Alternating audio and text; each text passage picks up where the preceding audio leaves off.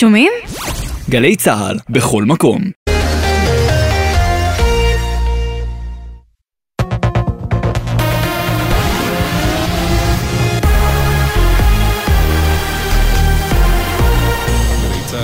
שבע, שלום רב באולפן אלעזר בן לולו עם מה שקורה עכשיו. חודש הירי לעבר הדרום, רקטה נורתה לפני זמן קצר מרצועת עזה. מדובר צה"ל נמסר שהרקטה נפלה בשטח פתוח בעוטף מבלי לגרום לנזק או לנפגעים. כתבנו הצבאי דורון קדוש מזכיר שפיקוד העורף הכריז באופן רשמי מוקדם יותר היום על חזרה לשגרה מלאה בכל רחבי הארץ, כולל בעוטף עזה, לאחר שהפסקת האש שהוכרזה אמש נכנסה לתוקף ונשארה יציבה עד כה. כאן בגלי צה"ל אמר שר האנרגיה והתשתיות ישראל כץ, זה היה מבצע מוצלח מאוד, ההתראה התחזקה. הנושא הזה של הסיכולים הממוקדים, לא במקרה, כל המשא ומתן דרך המצרים היה זה שהם רצו ולא קיבלו התחייבות שלא יהיו סיכולים ממוקדים.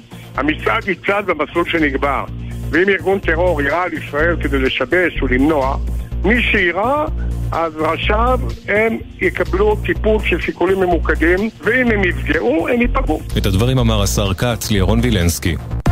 איום השבתת הרשויות המקומיות, שר האוצר סמוטריץ' יכנס בשנה, בשעה הקרובה מסיבת עיתונאים עם בכירי משרדו בנושא קרן הארנונה. מדווח כתבנו לענייני כלכלה ישראל פישר.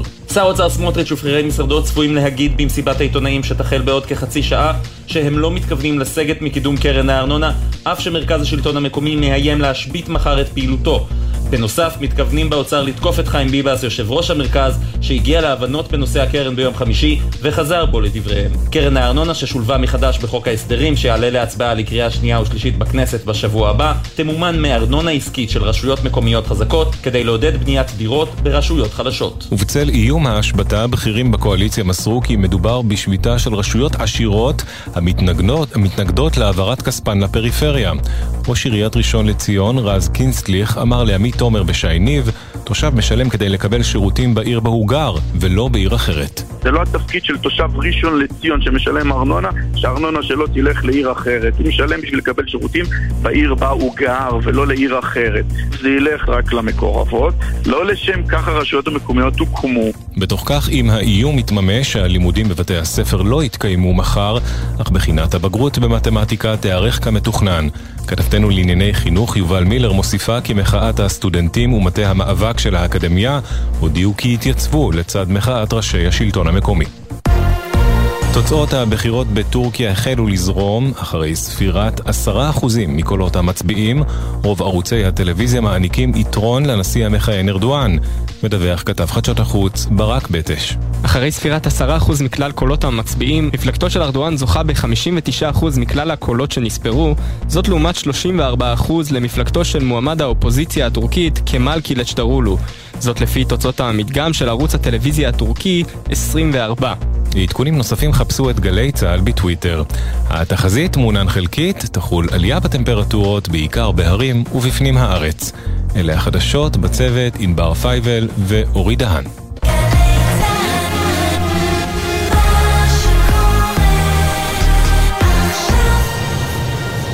בחסות כל מוביל, היבואנית הרשמית של יונדאי, מיצובישי, אורה, מרצדס וג'נסיס, המציעה מגוון מסלולי קנייה מותאמים אישית, לפרטים כוכבית 3862. בחסות מקס, המציעה הלוואה לכל מטרה שתרצו, כוכבית 9192. אי עמידה בפירעון ההלוואה עלולה לגרור חיוב בריבית פיגורים והליכי הוצאה לפועל, כפוף לתנאי החיתום ולאישור המלווה מקס. בחסות ביטוח ישיר, המציעה למצטרפים עד שלושה חודשים מתנה בביטוח המקיף לרכב. ביטוח ישיר, איי-די-איי חברה לביטוח, כפוף לתקנון. עכשיו בגלי צה"ל, עידן קבלר.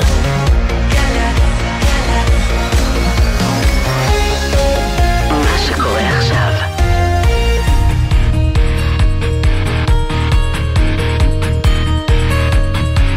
שלום לכם, מאולפן 360 ביום, ההסכת היומי של גלי צה"ל. הזדמנות מעולה לחצי שעה של העמקה, כל יום בנושא אחד שמעסיק את כולנו מ-360 מעלות. והפעם עם פטירתה של יעל גרינברג, קורבן האונס הקבוצתי המזעזע בקיבוץ שומרת ב-1988, נקדיש את התוכנית לזכרה. נצלול אל ארכיון גלי צה"ל, נזכר ברעיונות שהעניקה ובהם גוללה את סיפור חייה הקשה גם לאחר האונס, וננסה להבין כיצד השתנתה, אם בכלל, החברה הישראלית והטיפול בנפגעות תקיפה מינית. זה קרה באוגוסט 1988, כאשר בקיבוץ שומרת חבורת נערים אונסים באכזריות נערה צעירה, לימים נחשף שמה, יעל גרינברג. אורי שרון, כתב העיתון חדשות בעת ההיא, משחזר את קבלת ההודעה וסיקור האירוע שהדהים את המדינה. קיבלנו הודעה מדוברת המשטרה באותן שנים, אה, אהובה תומר, מי שנספתה כעבור שנים בשרפה בכרמל, היא הייתה אז דוברת מרחב חיפה במשטרה, וכמובן אה, אנחנו הגענו גם לבית המשפט, לשם אמורים היו להביא את הנערים מקיבוץ שומרת להארכת מעצרם. כמובן שעל פי חוק הנוער אסור היה לפרסם את השמות שלהם, ובתחילה גם אסור היה לפרסם את מקום היישוב, כי הרי מדובר בקיבוץ אה, לא גדול במיוחד. וכך החלה הפרשה להתגלגל, עד שגם הוגש כתב אישום לבית המשפט המחוזי בחיפה, בהרכב בראשות השופט אה, מיכה לינדשטראוס, מי שלימים היה מבקר המדינה. ושמו של לינדנשטראוס המנוח יעלה כאן שוב בהרחבה בהמשך. כמי שקומם עליו רבים בפסק הדין שלו, אבל עד פסק הדין הוא מבקש לראות את הזירה. השופטים רצו לבקר באזור הפשע, מה שנקרא, לבקר בקיבוץ כדי לעמוד מקרוב על כל הנקודות עליהן דובר בכתב האישום, ואכן שלושת השופטים והמלווים הגיעו לקיבוץ שומרת, סיירו בקיבוץ, אישית לא הבנתי מה הם למדו מכל הסיור הזה, אבל בשביל התקשורת זו הייתה עוד הצגה כמובן, כי הרי העיתונאים והטלוויזיה ליוו את השופטים ב... בסיור הזה. לאחר שניתן פסק הדין, אני, על זיכרונים, השופט לינדשטראוס ככה החליט לזכות, זה אני אומר בזהירות רבה, על פי מה שאני התעדכנתי לאחרונה מן העיתון, השופט זיכה אותה מחמת הספק או מחמת הסעיפים, ועל כך הוטלה בו ביקורת, מה עוד שבערעור בבית המשפט העליון, השופטים בעליון הפכו את הקערה על פיה והחזירו את הדיון לבית המשפט המחוזי כדי שיגזור את דינם של הנאשמים. וכך היה. כמובן שהאירוע עצמו, מה שאני זוכר, עורר ממש תדהמה בקיבוץ עצמו. את הנערה האישית, איש לא ראה אותה, היא כמובן לא, לפי זיכרוני, אולי היא לא הייתה בבית המשפט, או שמא כן, לך תזכור, אחרי כל כך הרבה שנים. אבל אין ספק שדבר אחד זכרת היטב, הביקורת כלפי השופט לינדנשטראוס, וזה לא היה עניין של מה בכך. פרופסור דנה פוגץ', הקריה האקדמית אונו, את מומחית לזכויות נפגעות עבירה, והוא, כפי שאמרתי קודם, קומם עליו רבים בזמן אמת. השופט לינדנשטראוס שפע אמירות פוגעניות כלפי המתלוננת ואהדה רבה כלפי האנסים, ולכן כשהתיק הזה הגיע לבית המשפט העליון, הוא כבר הגיע גם עם גינוי ציבורי חמור. וחריף ועם uh, הדים שהיה ברור שבית המשפט העליון צריך לתת פה הלכה רחבה שתתמוך בנפגעי עבירות מין, uh, ובאמת פסק הדין של uh, בית המשפט העליון הוא אות ומופת בשני היבטים לפחות. גם בהיבט של מהי בכלל הסכמה ושלא צריכה להיות התנגדות ולא צריכה להיות פעולה פיזית של היעדר הסכמה, אלא שהסכמה צריכה להיות באמת הסכמה מבפנים, מהלב, ואותו גבר צריך לוודא את הסכמת האישה. והדבר השני שבית המשפט חידש בו זה בשאלה מה צריך אה, לעבור במוחו של הגבר בשעת האירוע הזה. האם הגבר צריך לדעת שאין פה הסכמה, או שאנחנו נסתפק בכך שכל אדם במקומו היה יודע שאולי אין הסכמה, ולצערי הרב, פסק הדין המקסים הזה, שנתנו, נתן הרכב השופטים בבית המשפט העליון, היום פחות רלוונטי דווקא, כי היום חזרנו במשפט הישראלי למקום שבו צריך להוכיח שהנאשם ידע שהאישה לא מסכימה, או לפחות חשד שהאישה לא מסכימה. ואם לא די בכל אלה, הרי שארבע שנים אחרי האונס, המקרה שוב עולה לכותרות במה שנתפס אז כניסיון אולי של קיבוץ שומרת לנקות מעליו, למחות את הכתם העז. כך נשמעה יעל גרינברג באחד הראיונות הראשונים שהעניקה בשיחה עם רפי רשף בגלי צה"ל. הם לא, הם לא רוצים את ההורים שלי דרך אגב, הם רוצים רק אותי. שאני אחזור לקיבוץ, הם ייתנו לי חדר, ואז כולם ישכחו מהפרשה ו- ונחיה באושר ואושר וזהו. זה מה שקיבוץ שומרת אה, נוהג לעשות, לדחוף הכל, הכל מתחת לשטיח. את לא יכולה להעלות את זה על הדעת. מה פתאום, אני גם לא, אני לא, אני לא... אני לא חושבת ש... שאפילו אם הם היו אומרים שהנערים עוזבים את הקיבוץ, כאילו שהנערים יעזבו ואני אחזור, זה לא היה הולך. ובתגובה לכך, התראיינה שבוע לאחר מכן אצל אותו רפי רשף חיה אורן, מי שהייתה בשעתו מזכירת הקיבוץ. את חושבת שזה היה טוב לילדה לשוב לקיבוץ עם המשפחה? אה, תראה, היא עכשיו בת אה, קרוב ל-19. כן. אה, ואני, אם אתה שואל אותי אישית, מה היה הכי טוב לה להיות בזכות עצמה? כן? ובהחלט, יש כאן משפחות שאני אומרת לך בלי לבדוק, שהיו ברצון, אפילו יכולים, היו יכולים להיות כמשפחות מאמצות. כלומר, את בעצם אומרת, אני רוצה את הילדה ולא את ההורים, כפי שהיא טענה. אה, אני לא רוצה להגיד לך, הם לא פנו אלינו, אבל אני חושבת שלטובת הילדה היה, אילו היא הייתה יכולה אה, להסתכם בצורה ללא אינטרסים נוספים של הורים שאני לא בדיוק מבינה מה הם. ואם היא הייתה רוצה לשוב עם ההורים? איך היינו מדברים על זה? את לא פוסלת את זה על הסף? לא. שנים אחרי ההתרחשות המוזרה הזאת, עם ההורים, בלי ההורים, וכל מיני אינטרסים חבויים שכאלה, שנים אחר כך מחליטה גרינברג לשים סוף לרעיונות בעילום שם ובכיסוי פנים, איפור ופאה, ולהיחשף לחלוטין בתוכניתו של יאיר לפיד, בטלוויזיה. כך היא נשמעה לאחר אותו ראיון עם לפיד, בשיחה עם נתנאל סמריק בגלי צה"ל בשנת 2001. עד היום הסתתרתי מאחורי זה, וכשאני פשוט נחשפתי, אז... Uh... היה לי ממש ממש קל, ממש קל. זאת אומרת, הרעיון עצמו גם היה... הוא לא היה קשה, זאת אומרת, חשבתי שיהיה לי, שיהיה לי קשה, הוא לא היה קשה, זאת אומרת, אה, יאיר לפיד, אה, לא רוצה לעשות לו איזה פרסומת או משהו, אבל יאיר לפיד פשוט, אה, כן, הוא פשוט בן אדם כל כך כל כך טוב, זה, אני, אני אמרתי לו גם בהתחלה, אל תתקוף אותי כאילו בשאלות, אז אמר לי, מה פתאום, זה לא, לא ייתכן ולא לא יקרה. והוא היה כל כך עדין, והוא היה כל כך, אה, כל כך מצוין, והוא גם, אה, כל הרעיון עצמו, כאילו אני מדברת עם מישהו שאני מכירה פשוט שנים, ובגלל זה כנראה גם היה לי קל, קל יותר. היו תגובות שפגעו בך? מלבד אותו ביקור לא, בשומרת. ממש לא, ממש לא. גם באילת, אה, את מטלוויזיה, את תופעת, אה, אפילו השכנה שלי שמכירה אותי פה כבר אה, כמה חודשים, כן. כשחזרתי אז אומרת לי, יעל, כל הכבוד לך, ראינו אותך בטלוויזיה, וממש כל הכבוד לך, ואת אמיצה, ואת פה מולי, את, את, את שכנה שלי, את כל כך שקטה, ואף אחד לא יודע מה עובר עלייך, מה עבר עלייך, וזהו. כעיקרון אני, אני עשיתי את זה בשביל שתי דברים. קודם כל, אה, אני חושבת שהבנות שלי צריכות לדעת מזה, וצריכות לדעת שיש להם אימא חזקה שלא מסתתרת מאחורי אה, מסך אה, שחור. לפני, ו... לפני ההופעה בטלוויזיה, כן. את אי פעם לקחת את שלוש הבנות, חלקן מאוד קטנות, סיפרת להן? לא. זאת אומרת, פעם ראשונה שאם הם יכלו להבין מה בעצם עבר על אימא זה היה כשהם ראו טלוויזיה. כן, אבל הן נורא קטנות, אז אני לא חושבת, לא חושבת שהן מבינות. הן נורא קטנות, הן אה, יודעות שאימא לפעמים קצת עצובה. אבל ייסוריה של גרינברג לא הסתיימו שם. במהלך השנים היא וחמש בנותיה, כן, נוספו עוד שתיים מאז הריאיון אצל נתנאל סמריק, עברו מסכת ייסורים, כולל ניסיון להרחיק את הבנות מהאם.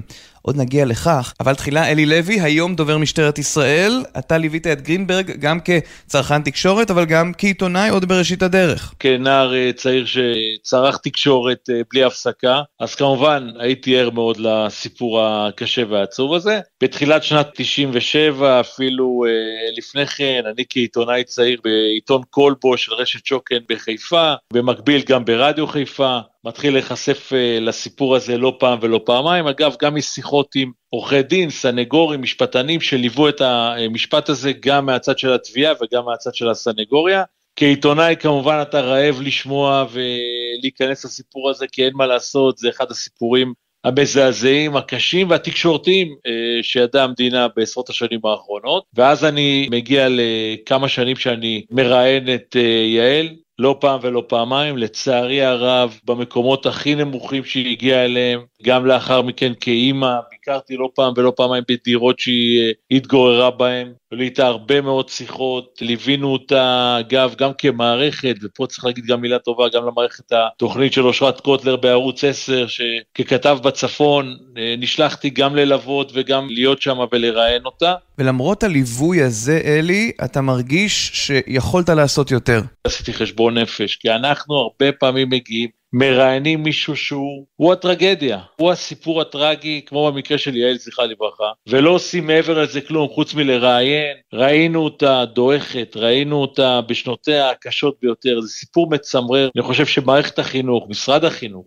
צריך לדאוג שבכל כיתה, בגיל המתאים כמובן, בגיל אה, חטיבות הביניים או התיכונים, ילמדו את הסיפור הזה, פשוט יעשו איזה שיעור שבועי אה, השבוע אה, לזכרה, ופשוט ילמדו את הסיפור הזה. סיפור קשה, זה סיפור מצמרר, שגם אנחנו, ואני מסתכל מההיבט של מי שנמצא בתקשורת כמעט 30 שנה, גם אנחנו מהצד התקשורתי אולי יכולנו לעשות יותר כדי להציל אותה, כדי להעלות אותה למסלול אה, הנכון, ולא היינו מגיעים למצב שהיא אה, הולכת לעולמה בגיל מאוד צעיר. סיפור החיים הזה, הפתלתל והמטלטל הזה הולך ונמשך. לפני כשלושה שבועות היא קיבלה הודעה משירותי הרווחה על כך שחמש הבנות שלה יורחקו ממנה עד להודעה חדשה. היא ניסתה לשים קץ לחייה.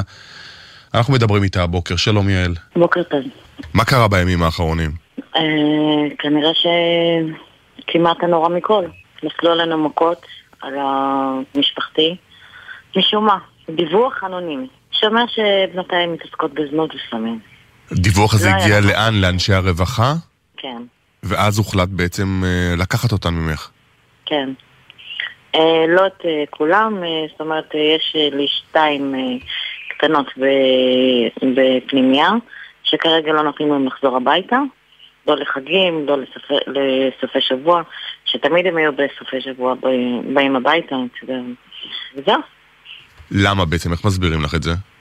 כמו שאותו פקיד סעד הסביר לי, הן עובדות בזנות ולוקחות סמים, ומשתמשות עם סמים. ולגבי הילדות הקטנות, למה החליטו לקחת אותן? אין לי מושג. כנראה שזה קשור לזה. לאותה שמועה אנונימית. ודיברתי איתו, אמרתי לו, מה, זאת, מה זה שמועה אה, אנונימית? זאת אומרת, אתה בדקת, אתה, אתה חקרת, אתה, אתה, אתה עשית משהו בנידון, בעניין הזה, או שרק כתבת תזכיר לבית משפט וישר החלטת שזהו, זה מה שיוצא. אבל הוא לא חקר, לא, לא שאל, לא שום דבר, הוא פשוט הודיע. ואני מבין שההודעה הזו על כך ששלוש הבנות הגדולות שלך נלקחות ממך, אה, בעצם ערערה אותך. לא דיברו איתי בקשר לשלושת הבנות הגדולות, דיברו איתי בקשר רק לשלושת, לשתי הבנות הקטנות. ואכן כן ערערה אותי, אני נפלתי למשכב במשך שבועיים במיטה. לא יכלתי אה, לזוז, לא יכלתי לשתות, לא יכלתי לאכול. כעיקרון אה, הייתי צמח, לא יכלתי פשוט לדבר. אה, בימים האחרונים אני פשוט קיבלתי כאפות כאן לפנים, כי אמרתי לעצמי, ועמדתי ב, בסיטואציה הזאת כמה וכמה פעמים בחיים שלי. זאת אומרת שזה זה, זה דרך, זה, זה שתי צדדים, זה או לחיות או למות. אז החלטתי לחיות ופשוט אה, אה, להשיב מלחמה, כי אחרת הם יעשו מה שבא להם. למרות שעל פי הדיווח בערוץ 10 אני מבין שחלק מהימים או מהתקופה האחרונה ניסית לשים קץ לחייך ובעצם אחת הבנות שלך היא זו שמצאה אותך. כן, תראה, זה לא משהו שכל כך קל. בן אדם צריך להיכנס לתוך מין אה, מצב ש, שאין תקווה כבר. ופשוט אה, החלטתי שאני... שזהו, כבר אין לי כוחות. ובעצם היית בסיטואציה דומה בשנת 2007, שרצו לקחת ממך את הבנות, גם אז אה, אושפזת, וגם אז ניסית לשים קץ לחייך, נכון? כן. תראה, בנותיי הם... אה, הם הסיבה שאני קמה בבוקר. הם הסיבה שאני הולכת ואני אה, קורעת את עצמי בעבודה.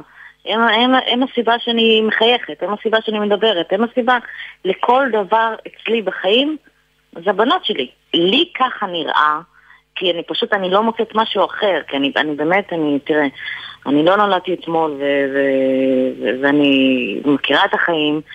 לי, מה, ש, מה שנראה זה פשוט שמנסים לפגוע בי דרך הבנות. עד כמה יש קשר לאותו אירוע מדובר, מוכר, טראומטי שעברת לפני 26 שנים, מה שהוא מוגדר כאונס בשומרת, על ההשתלשלות והתגלגלות החיים שלך מאז? תראה, אני רק רוצה לחיות. אני חושבת שהאונס בקיבוץ שומרת, זה היה, אכלנו מזה יותר מדי, מספיק עם זה. אני רוצה לחיות עם הבנות שלי. כך זה נשמע אצל ניב רסקין בגלי צה"ל ב-2014, ומי שליווה אותה רבות בחלק הקשה של חייה זה שלאחר האונס, פרשת הדרישה להרחיק ממנה את בנותיה, הוא כתב הרווחה בעבר של ידיעות אחרונות, דוד רגב. לפני חמש שנים, השניים, יעל ודוד, שוחחו עם אמיר איבגי, כאן בגלי צה"ל.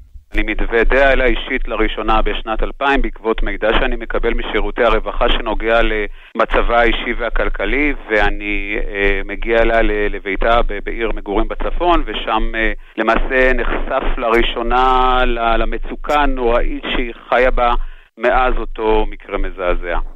והמשימה העיתונאית אה, שלך הזאת הופכת uh, להיות uh, משהו שמלווה אותך לאורך השנים, מלווה אותך ואת uh, יעל יחד במצוקה שהיא נעזרת בך מעת לעת. כן, כתב רווחה, בניגוד לכתבים אחרים, לוקח את הסיפורים איתו, אפילו קשה לקרוא לזה סיפור, הוא לוקח את, המקרים הקשים האלה איתו אל תוך עולמו, אל תוך ביתו.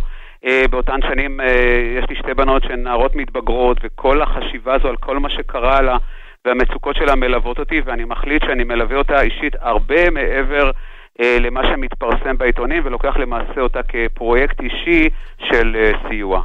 ואז מגיע חודש אה, נובמבר 2007 עם הודעת אה, ביפר שמקפיצה אותך. כן, אה, לפני שאנחנו מגיעים לחודש הזה, כמובן אני מסייע לה במקרים כמו טיפולי שיניים וגיוס כספים כאלה ואחרים לסיוע.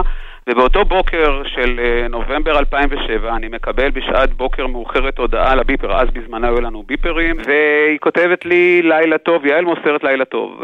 החושיי מתחדדים בשעת בוקר מאוחרת לילה טוב נשמע לי כהודעה לא טובה, ואני מתקשר אליה כמה פעמים והיא לא עונה, ואז אני מזעיק את, משטרת, את המשטרה בעיר מגורה ומבקש ומתחנן, צאו אליה הביתה, נותן את הכתובת, וכשהם מגיעים אליה הביתה הם מוצאים את הבית ריק ומוצאים בתוכו מכתב שהיא מייעדת לי, מכתב אה, שנראה כמו מכתב התאבדות, שבו היא מוסרת שהיא קצה בחיה ומודה לי על כל מה שעשיתי למענה, ופה למעשה מתחיל מרוץ אה, נגד הזמן ונגד השעון בחיפושים אחריה שמסתיים אה, ממש סמוך לחצות הלילה באחד מחופי הים בצפון, ששם היא נמצאת ממש דקות ספורות לפני שהיא מנסה לשים קץ לחייה. יעל גרינברג, שלום לך, צהריים טובים. צהריים טובים. הנאנסת uh, משומרת. זוכרת את ההודעה הזאת לדוד? כן. זה פשוט היה עוד uh, נפילה מ... מרבות uh, מהנפילות שהיו לי. טוב, הקשר עם דוד היה קשר אלוהי, באמת. כי פה אף אחד לא עזר לנו, פה הרווחה פה התנהגו עלינו כמו שהתנהגו ליהודים במלחמת העולם השנייה. אה, ממש ככה. פשוט התנהגו אליי בברוטליות, בתת רמה, בגועל נפש. הפרידו אותי מהבנות שלי, ועל מה, אני לא יודעת גם כן, כי עד היום אין לי מושג. עד היום גם לא עונים על זה. שם בעצם אה, כבר לא היה מה לחיות, בשביל מה? יעל, את היום בת 45, אה, חיה ביחד עם חמש הבנות שלך וכבר שני נכדים. שני נכדים, כן. כך לפני חמש שנים, אצל אמיר איבגי בגלי צה"ל. אז כפי שאתם שמים לב, יעל גרינברג הרבתה להתראיין, לשתף בסיפור חייה הקשה. אלי לוי, זה עשה לה טוב לדעתך? היו לא מעט מקרים שבהם הגעתי לראיין אותה בכל מיני כלי תקשורת, בעיקר בערוץ 10, בשנים שבערוץ 10 אה, ראיינו אותה ופגשתי אותה, והיו גם אורחים שאמרו אני לא משדר. אני לא משדר כי אני לא אה, אה, מנצל בסוגריים את המצב שלה כדי להביא את הסקופ ואת המסמך הטלוויזיוני, העיתונאי, התקשורתי. אני חושב שמצד אחד זה עשה לה טוב כי הסיפור שלה תמיד נשאר בתודעה, והיו לא מעט גורמים שרצו להוריד את הסיפור הזה מסדר היום, וכן, היה צריך להמשיך לדבר על זה, זה סיפור קשה ומטלטל, ועוד פעם אני אומר, שצריך לשבת ולהסביר אותו ולספר אותו בבתי ספר בגיל המתאים, יש את המורים, יש את אנשי החינוך שיסבירו. מצד שני, כן, היו גם מקרים שבהם, אחרי שראיינתי אותה וכיבינו את המצלמה ועשינו את הדרך חזרה ממקום המפגש איתה, היו מחשבות של האם לשדר, האם לא לשדר, האם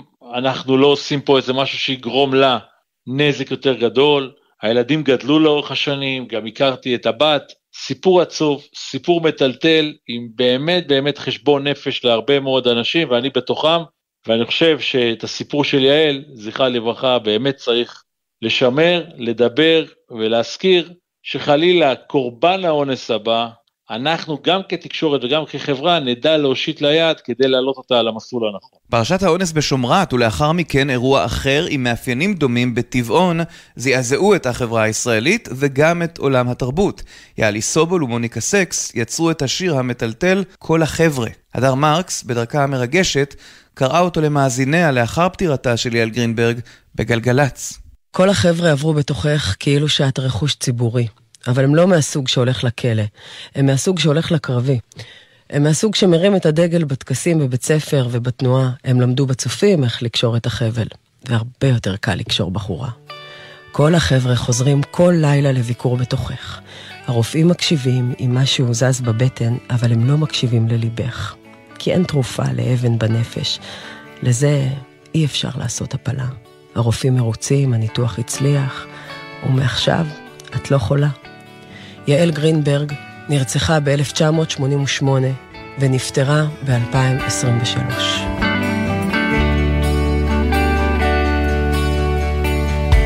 כל החבר'ה עברו בתוכך כאילו שאת רכוש ציבורי, אבל הם לא מהסוג שהולך לכלא, הם מהסוג שהולך לקרבי. עד כאן. 360 ביום, ההסכת היומי של גלי צה"ל. בכל יום, 30 דקות של צלילה לתוך נושא אחד שמעסיק את כולנו מ-360 מעלות.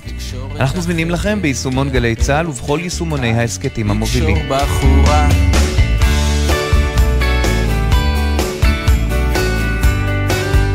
העורך נמרוד פפרני, המפיקים יונתן שגב ונועה ארז, בפיקוח הטכני מיכאל אבו, עורכת הדיגיטלי מיה אורן, אני עידן קבלר. שלום. כל החבר'ה חוזרים כל לילה לביקור בתוכך.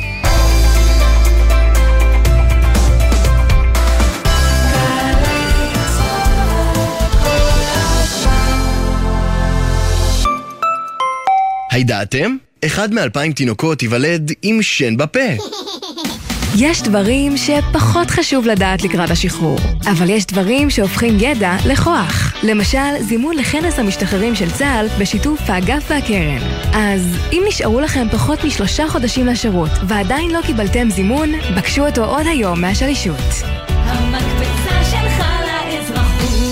ביום הזה תוכלו ללמוד על כל מה שאפשר ללמוד אצלנו בסמינר הקיבוצים. יום פתוח בסמינר הקיבוצים, יום ג' 16 במאי בשעה 4. לפרטים כוכבית 8085, סמינר הקיבוצים, מכללה מובילה לחינוך ואומנות. עכשיו בגלי צה"ל, טלי ליפקין-שחק, עם רצועת הביטחון. הבית של החיילים, גלי צה"ל.